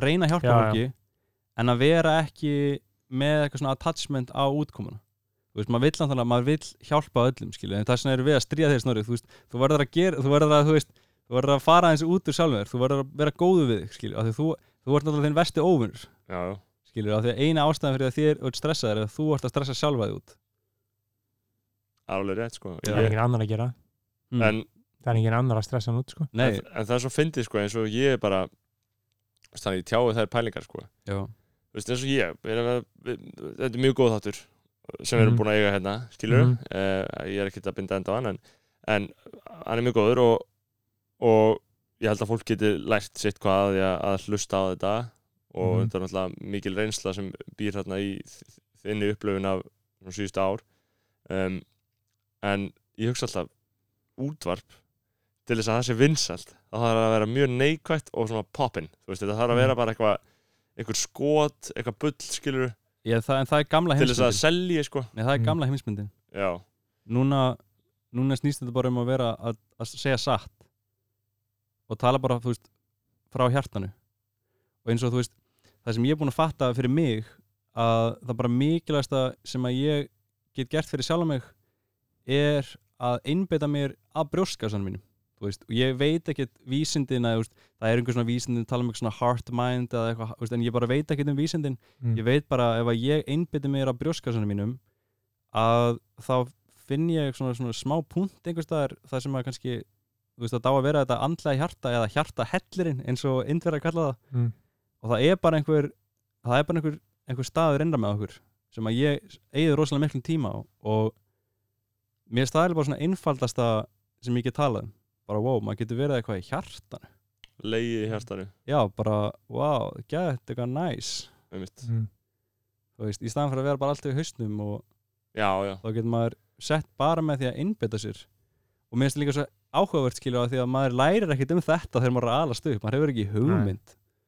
Þú veist, maður hefur bara maður, það er enginn að tala um þetta sko. Mm. það er ekki minnst á þetta sko. Það er enginn að spá í þessu En núna eru samt, ég lýri að all krakkar, þú veist, á Instagram og eitthvað, þú veist, með fullt af einhverju fólki sem er eitthvað alltaf að dreif einhverju svona sjálfsjálfar dæmi, skilur, Já. sem að þannig ég held að krakkar í dag séu aðeins svona meðvitaðir um ég, ég bara veit ekki um, um það sko það er bara sko. auðveldar að komast mm, í þessar upplýsingar þú veist, núna ef þú vilt eh, læra að huglega þá einmitt Já. fær bara í appið og, einmitt, og þú vilt læra að jóka þú fær bara á netið og þú veist, þú getur Mhm. fengið þetta allt bara uh, með auðveldlega, ef maður vill þú veist, eins og ég Mhm. fekk allar mína svona andlegu næringu í gegnum Tumblr í þá var, fekk ég bara allar svona hugmynd bara svona quotes og bækur og bara einhverja pælingar sko. mm, sem ég hef aldrei fengið í gegnum bækur sem voru upp á hillu. Nei, Ég man eftir Tumblr sko. já, ég misti alveg því, Það er alveg hægt. Ég, ég veit það ekki, ég bara það þeir lokuði aðgangir mínum þegar var eitthvað, Mm. já þú ert að breyna uh, veist, ég, það En já, uh, við erum kominir árið hvað, 2016 og þú fer til Bandaríkjana já, já, og er þar í tvo mánu og þá var ég bara að hitta vini mína úr tonsa í fjölskyldunni Já. og bara klifra og lifa með þeim í þegar margir vini mína eiga bara bíla og eiga Mhm. bara heim í bílinu sínum Já, og þeir lifa, lifa sama lífstil og ég vinna nokkra mánuði, spara allt og fara svo í ferðalög mm og svo snýri ég tilbaka í tonsa fór aftur heim í þorpið Já. og það var besti dagur lífsmins það sem ég Mm. kom aftur og ég bara, wow, þetta var allt alvöru þetta var allt, Mm. þetta var- gerðist í alvöru allt, allt þetta hellaða dót sem gerðist var allt alvöru af því að það var svo skrítið að vera þarna í marga mánuði og koma svo aftur eins og þeir Íslands það var einn erfiðasti mánuð sem ég teki í Reykjavík þegar ég var búin Mm. að vera í Tonsa í marga mánuði svo kom ég aftur hingað og ég var bara, wow, hvað þetta er þetta er allt öðruvísi Mm. og ég, ég kunni alltaf að haga mér í veist, þessum heimi að því ég var hann svo vanur því að allir bara ei, hvað segir þér, Jelly, ei, wow, hvað kom að klera? Ok, nice, eitthvað. Allir Mhm. bara, þú veist, rosalega hlýir og svo kemur hérna og fyrir eitthvað labba inn í bæ og maður bara, wow, eitthvað, hvað hvað er, að hvað er, að- hvað er að gerast hérna? Bara þunglítið, þunglítið, kvíðin, klámsökur fallaðir, skilur bara já, þú veist, þannig að bara þú veist, og líka en eins og núna, skilur, þá er ég loksins komin á þann stað að ég er búin að vinna úr Reykjavík. Þú mm. veist, núna get ég komið til Reykjavík og mér finnst bara, mér finnst bara næs, þú veist. Mhm. ég er, mér finnst bara að geta labbað henn um og bara, ei, ok, veistla eitthvað. Mm. chillað, skilju, en ég veist, ég get ekki átt heima hérna, Nei. en það er bara af því að ég bara, þú veist, ég hef svo mikið bara svona, ég hef svo mikið ferðahug, ég verð bara að fara í ferðalög. Mm. það er bara þannig sem ég funkar. Vandalúst. Já, vandalúst. Og þú veist, ég vil bara svo mikið kanna heiminn og ég vil svo mikið sjá og mér líður eins og ég hafi valla séð neitt. Það er svo ótrúlega margir staðir sem ég hef ekki komið á. Og mér finnst, þú veist Reykjavík, ég held að sko, það eru svona meistara sem ég þekki sem eru bara búin að koma sér þarna rosalega vel fyrir Mm. og bara, þú getur áttu rosalega þægilt lífina það er alveg, alveg staðfest sko en eins og fyrir mig þá bara það myndi ekki ganga sko Nei, sér ekki fyrir þér nei, einmitt. En já, þú kemur aftur til Tonsai uh, og verður þar já, maður nokkra mánuði og þá Já. opnuðum við jógastúdíó og mm. það var rosalega fallegt og og svo fór ég til Gríklands og þú veist Mm. og svo seinasta senastu tvö ár gerði eiginlega bara það sama eins og núna í fyrra fór ég til Spánar var þar í tvo mánuði og var svo í Tonsei Já. og kannski tala aðeins um það sko að sko, árið í fyrra Mm. það var 2018, það var erfiðasta líf lífsmins, bara lang erfiðasta þú veist, Já. ég byrjaði árið bara rosalega góður á því, Mm. ég átti bát og var í Tælandi og var að sigla um að báti og var að leia svona lítið hús á ströndinni og mm. svo dömpaði stelpa mér og ég var bara eitthvað, fuck, ég bara ég held bara Já. að ég hefði náð botninum ég var bara Mm. svo slæmur að því að ég hefði byggt upp eitthvað svona draumahöll sem var bara svona fjall En þú ætlaði að setja stað, eða ekki? Jú, Ekki að koma heim nei, það var pælingin sko en Já. svo bara fattaði bara, wow, það er bull veist, ég Mhm. verði að koma aftur heim mm. þú veist, ég vil hvergi vera annar staðar heldur en á Íslandir og sumrin sko. finnst bara, ég elska að vera í náttúrinni veist, ég elska, ég elska hnappavelli mm. en ég fór til Nepal og fór bara að labba um þar í tvo mánuði, bara að lifa einhvern þorpum og, Mm. og það heilaði mig þú veist, ég var bara, ég var svo slæmur á því Mm. það er, þú veist, En þá bara hvað í ástasorg já, ég var bara í ástæðsorg en líka bara, ég misti allt, allt sjálfstrust Já. og þetta var líka bara allt mér að kenna, skilju, ég hafði bara búið allt til mm. uh, með eitthvað svona egoi Mm. og svo allt í einu bara fjall heimur minn og ég þurfti bara að endur byggja mig Þú byrjar að efast um lífstílina já ég bara um allt Já. þú veist ég bara ok ég er, ég er ekki ég, ég held bara ok ég myndi aldrei rappa aftur mm. aldrei gera tónlist aftur ég myndi aldrei skrifa aftur Mm. og ég var bara komin í einhverja djúpa djúpa hólu og það sem bjargaði mér voru bara bækur Mm. að lesa og fjöllin og fólkið í Nepal Mm. og ég bara svona hægt og rólega fattaði bara nei ok wow veist, þetta ég er bara á einhverju feitu þunglindi en ég get ég krafsa mig upp úr þessari hólu og svo Mm. gerði ég það bara. Og svo kom ég til Íslands það var geðveitt næs að koma var bara að vinna í, í skattaðli og þá byrjaði ég að stunda Wim Hof byrjaði ég að kæla mig rosalega mikið og var að haulega sko, stundum var ég að haulega fjóra tíma á dag. Bara því ég þurfti á því að halda. Og eftir nokkra mánuði því þá var ég loksins komin í jafnvæg búin að vera klifra, Já. haulega og Wim Hof. Og þá deyr besti vinu minn. Já. og hann sem sagt kynst honum í í, þarna, í Tælandi Kæl og, já, Kæl, og við Já. byrjuðum bara að, að klifra saman og vorum að klifra saman í marga marga mánu og bara besti vinnir mm. og hann sem sagt var búin að eiga við fíknum þetta vandamál að stríða og, og hann var búin að vera klín í fjögur ár og ég er búin að kynna- þekka hans í tvö ár Mm. og svo bara fjallan og kynnt sér heroín, skaut upp og það var fentanyl í heroíninu og hann bara Mm. dó Shit. og ég bara fæði þetta síndal bara mamma ringir í mig bara hei kælið á hann ég bara já. Og þá fór ég í djúpstu hólu Mm. sem að ég hef nokkuð tíma farið í. Og ég held bara að ég myndi ekki brosa aftur. Ég held bara að ég myndi aldrei aftur vera gladur bara aldrei aftur á æfni þú veist, þú sást mig þegar ég kom til Reykjavík. Ég, ég var að reykja síkar Já, það var Þú veist, ég var aldrei reykja aldrei síkar ég var bara eitthvað að reykja síkaretur því ég bara vissi ekki Mhm. hvað ég ætti að gera. Þú veist, ég var Mhm. bara út á svölum, reykja síkaretu skrollaði símanum mínum og svo var ég bara, já kannski var maður aðra síkaretu mm. Ég var bara alveg farin sko. og þarna og svo það sem að hjálpaði mig mest að vinna úr þessum skell, þetta er bara mesti skellu sem maður getur tekið, bara Mhm. missa besta vinsinn Einmitt. það er ekkit verra, skilur uh, jú, væntalega einhvað verra Já, það, gæði það, þú veist, Já. ok en þarna en þá, En svona með því verra já, svona þetta, er- þetta er svona í slæmu, slæmu hliðinni af lífinu, Mhm, sko mhm. og fylgir því, döiðin mm. en það sem að ég fattaði að það sem þetta kendi mér, að fyrsta leið til þess að vinna á sorginni, þá þurfti ég bara að samþykja ok, hann er dáinn, Mm. því að ég var svo mikið bara nei, fokk, ég, veist, af hverju hann, af hverju hann ertu ekki að grínast, af hverju fokkin hann hann er ekki dáinn, hann er ekki dáinn. Bara, ó, hann er hann, nei, ok, hann, hann er dáinn. Og maður, er- maður, maður getur ekki samþykta svo, samþykti ég bara ok, hann er dáinn. Ok, ok, og svo bara vin, reynir maður að vinna úr því á hverjum degi. Og þú veist, maður bara þarf að leifa sér að gráta og maður þarf bara að tala um það og þú veist, maður getur, maður getur sigrast á sorginni, sko. Mm. Það er hægt. Um, en svo þarna svo kláraði ég bara vinnu sinni, ég átti mánu eftir þarna og Róbert, vinnu minn hann hætti í vinnu sinni, kom í skaftafell og hann hann bara, var bara hjá mér. Hann bara, hann, hann sko það var highline yfir að Dettifoss svona draumur hans í lífinu. Mm. hann hann sem sagt hann, hann slefti því að fara þangað til þess að geta verið á mér. Hann bara fórnaði æðist að drauminu sem í lífinu er að Mm. hæla hana yfir Dettifoss og var bara hjá mér Mm. og þú veist, og hann bara hann var bara svona klettur minna það og svo var ég búinn að vinna og það fór til Spánar og var bara í tvo mánuði að klifra og var bara að klifra alltaf og vinna úr sorginni þannig Mm. og svo kom ég aðna, til Tonsæ og það voru bara, var all fjölskyldan þar skilju, allir sem hefðu farið gegn mér að missi Mm. og það voru bara allir saman og það var ótrúlega næs að þá getur maður unnið úr þessu bara saman skilur, þá var fólk bara brotnað niður bara búið þessi morgunkaffi skilur, bara hei, ég veit hvað er að gera þetta alltaf læg skilur, Mm. bara allir voru saman. En það sem ég fekk út úr þessu er að ég var svo ótrúlega innlegur ég hafði verið svo mikið svona, ó, ei, eitthvað svona, svona grínast fólki kannski stríða, en ég fattaði bara, wow við erum öll að fara að deyja. Mm.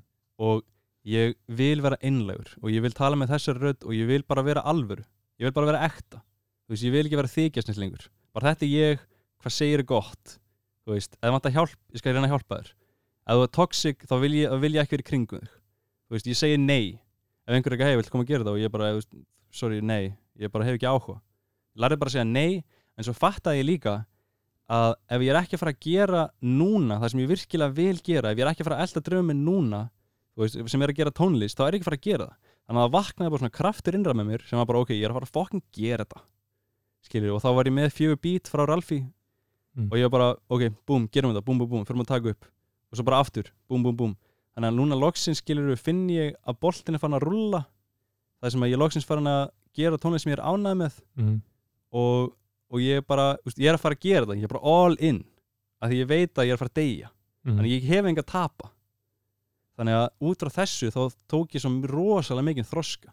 Þannig að það versta sem hefur gæst fyrir mig var í raun og veru líka eitt af hotlasta og besta sem hefur gæst fyrir mig af því að ég, ég þú veist, ég hefði geta farið bara eitthvað rugl skilur eða en það sem ég hafði var þessi þrýningur ég hafði jóka, huglislu, Wim Hof klifrið og, og tónlistina til þess að Mhm. vinna úr þessu um, þannig að núna finnst mér ég vera miklu einlægari og miklu bara sterkari manneskja út, út frá þessu tráma sko. Mhm.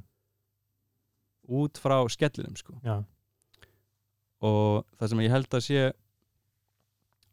sko þegar lífið eins og við vorum að tala um litlu skellina skilur lífið getur verið skellur og lífið getur verið veisla Mhm. en að lífið er bara jafn gott og við leifum því að vera Einmitt. Það er svona þarf maður að venja sig á það fakt að lífið er veisla Lífið veistla, þetta er bara spurning um að gera going já nákvæmlega, þú veist, lífið getur verið veisla mm. en við þurfum líka að vera með þetta um það að þú veist, þurfum að tala um eitthvað annað fólk út í bæ Mhm. að flestir, ekkert allir eru kannski bara að gera sitt besta mm. þau eru kannski bara virkilega að reyna að halda, keep it together, skilur það er bara ógeðslega erfitt að vera til Algjörlega Já, ég er samanlega því sko. það er bara, ó, þetta er, ó- þú veist, við erum að spila leik þú veist, ég held að, svona minni heimsbyggi sem að, ég, ég get ekki vísindalega sanna en ég held að þetta sé bara smá leikur sem er í gangi mm.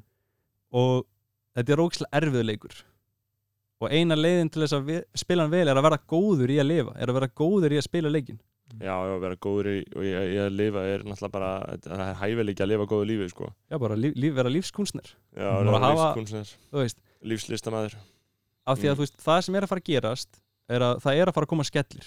Já, þeir eru að fara að koma, Já. það er einn handa með hotnið sko. mm Þú veist, og það eru raunverulegu skellinir en svo eru ímynduðu skellinir eins og þú áðan, þá varst Mhm. þú í ímynduðum skellin Já, já, já, það er þá, rétt. þá varst þú eitthvað, ó, ég er að fara að missa einhver fjallgöngu skilur, það er ímyndaðu skellur. Já, og þá varst að eðilegja núið þitt af því þú varst að ímyndaðu skell.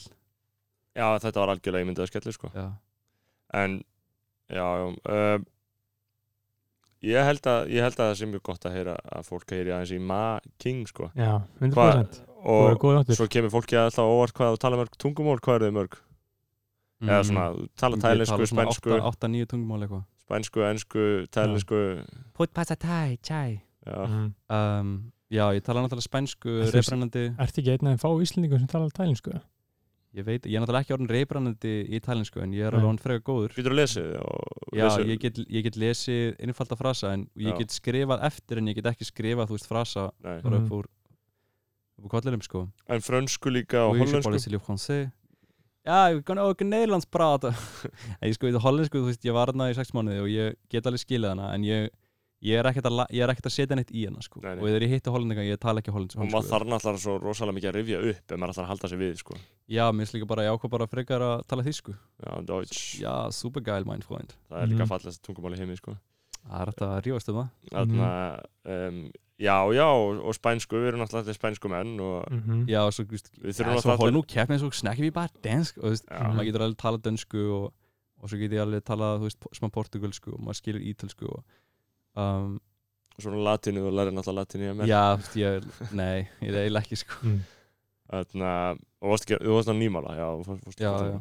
Mhm. svo varstu óreglur slussi Já, veistla já, ég tók, ég tók, ég tók það skrifin lengra ég var utan skóla sko, Já, í já. Ég bara hætti að mæta sko. Já, já. Það var fucking viðbjöður um, En já, já, er lífið veistla maður, er lífið mikið veistla ég er orðið miklu betur en ég var aðan Já, ég finn, sé það var áður, sko. En sko, lífið, þú veist, maður ákveður já, hvað maður gerir og því að, þú veist, maður er að fara að fá skelli.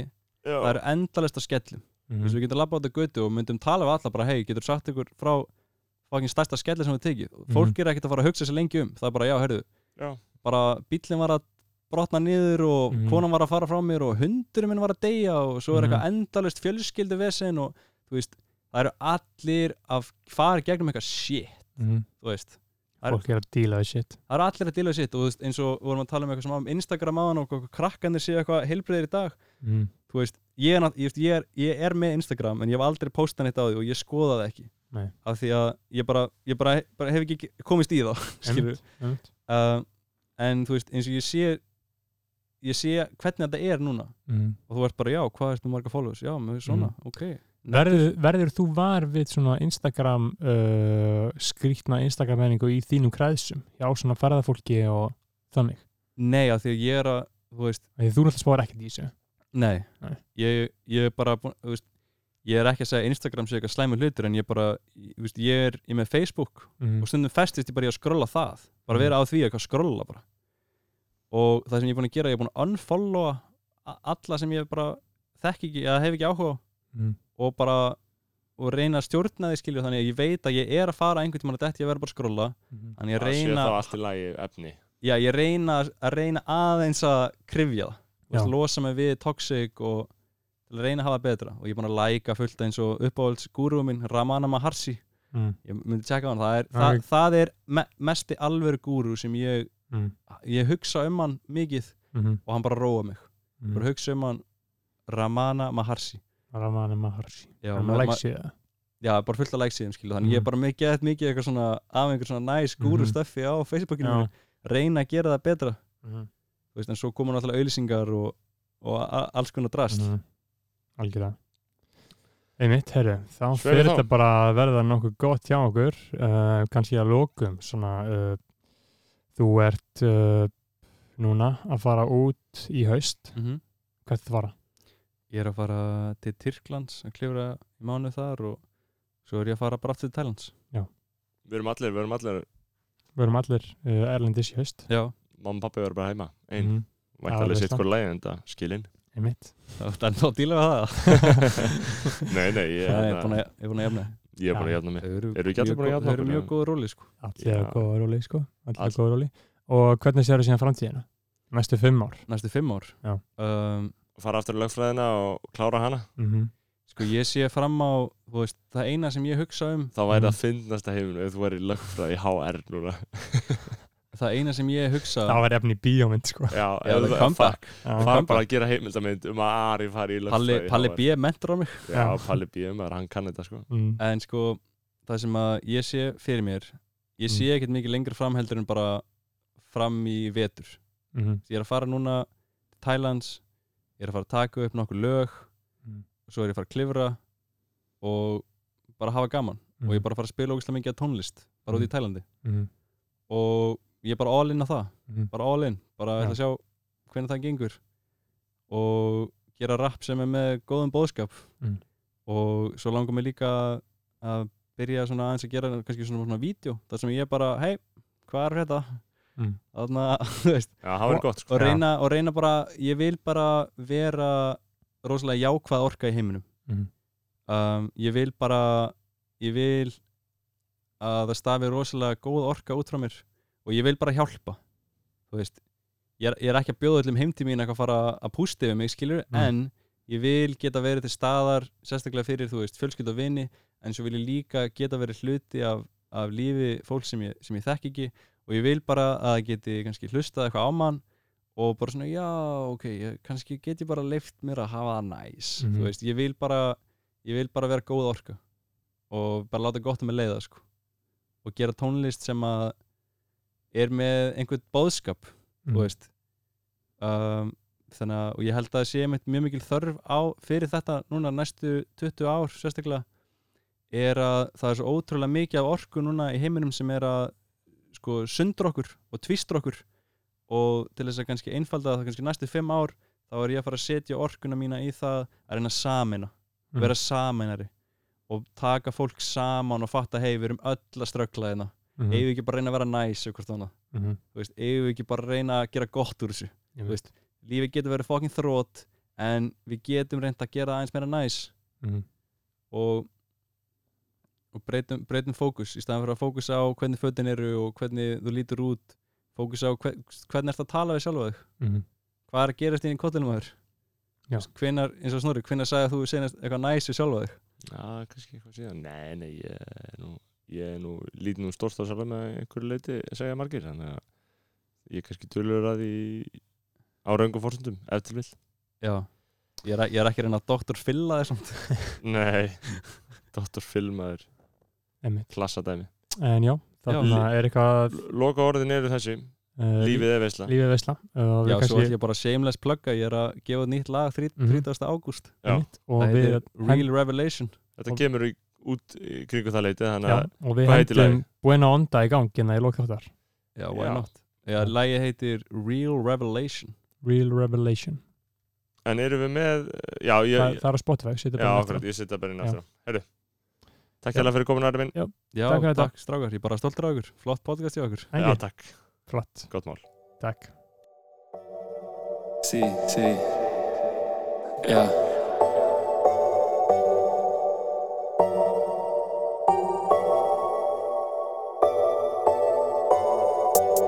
This is illusory. They rap about jewelry, rap is baboonery. I rap about unity. The moment is new to me.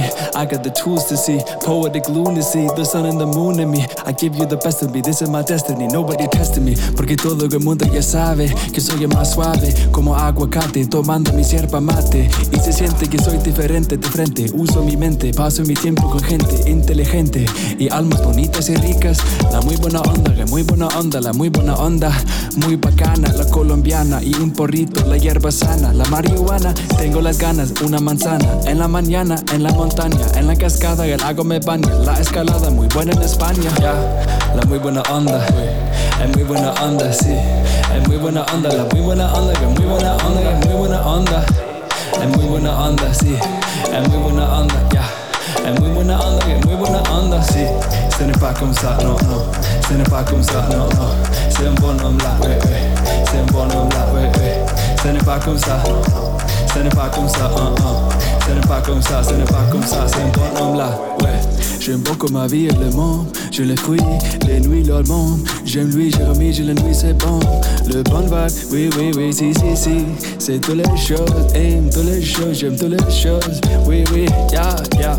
Ég elska ekki ítaka takkana Ég saði þeim öllum að koma og slappa á Taka tappana og senda takkirna Hafa það gott, anda djúpt Hafa það ljúft, ey, ey Segja það, segja það að senda góða orku Ja, la muy buena onda Es muy buena onda, sí Es muy buena onda, la muy buena onda Que muy buena onda, que muy buena onda Es muy buena onda, sí Es muy buena onda, ya Es muy buena onda, que muy buena onda, sí Ce n'est pas comme ça, non, non Ce n'est pas comme ça, non, non C'est un bonhomme là, ouais, ouais C'est un bonhomme là, ouais, ouais Ce n'est pas comme ça, non, non Ce n'est pas comme ça, hein, hein Ce n'est pas comme ça, ce n'est pas comme ça C'est un bonhomme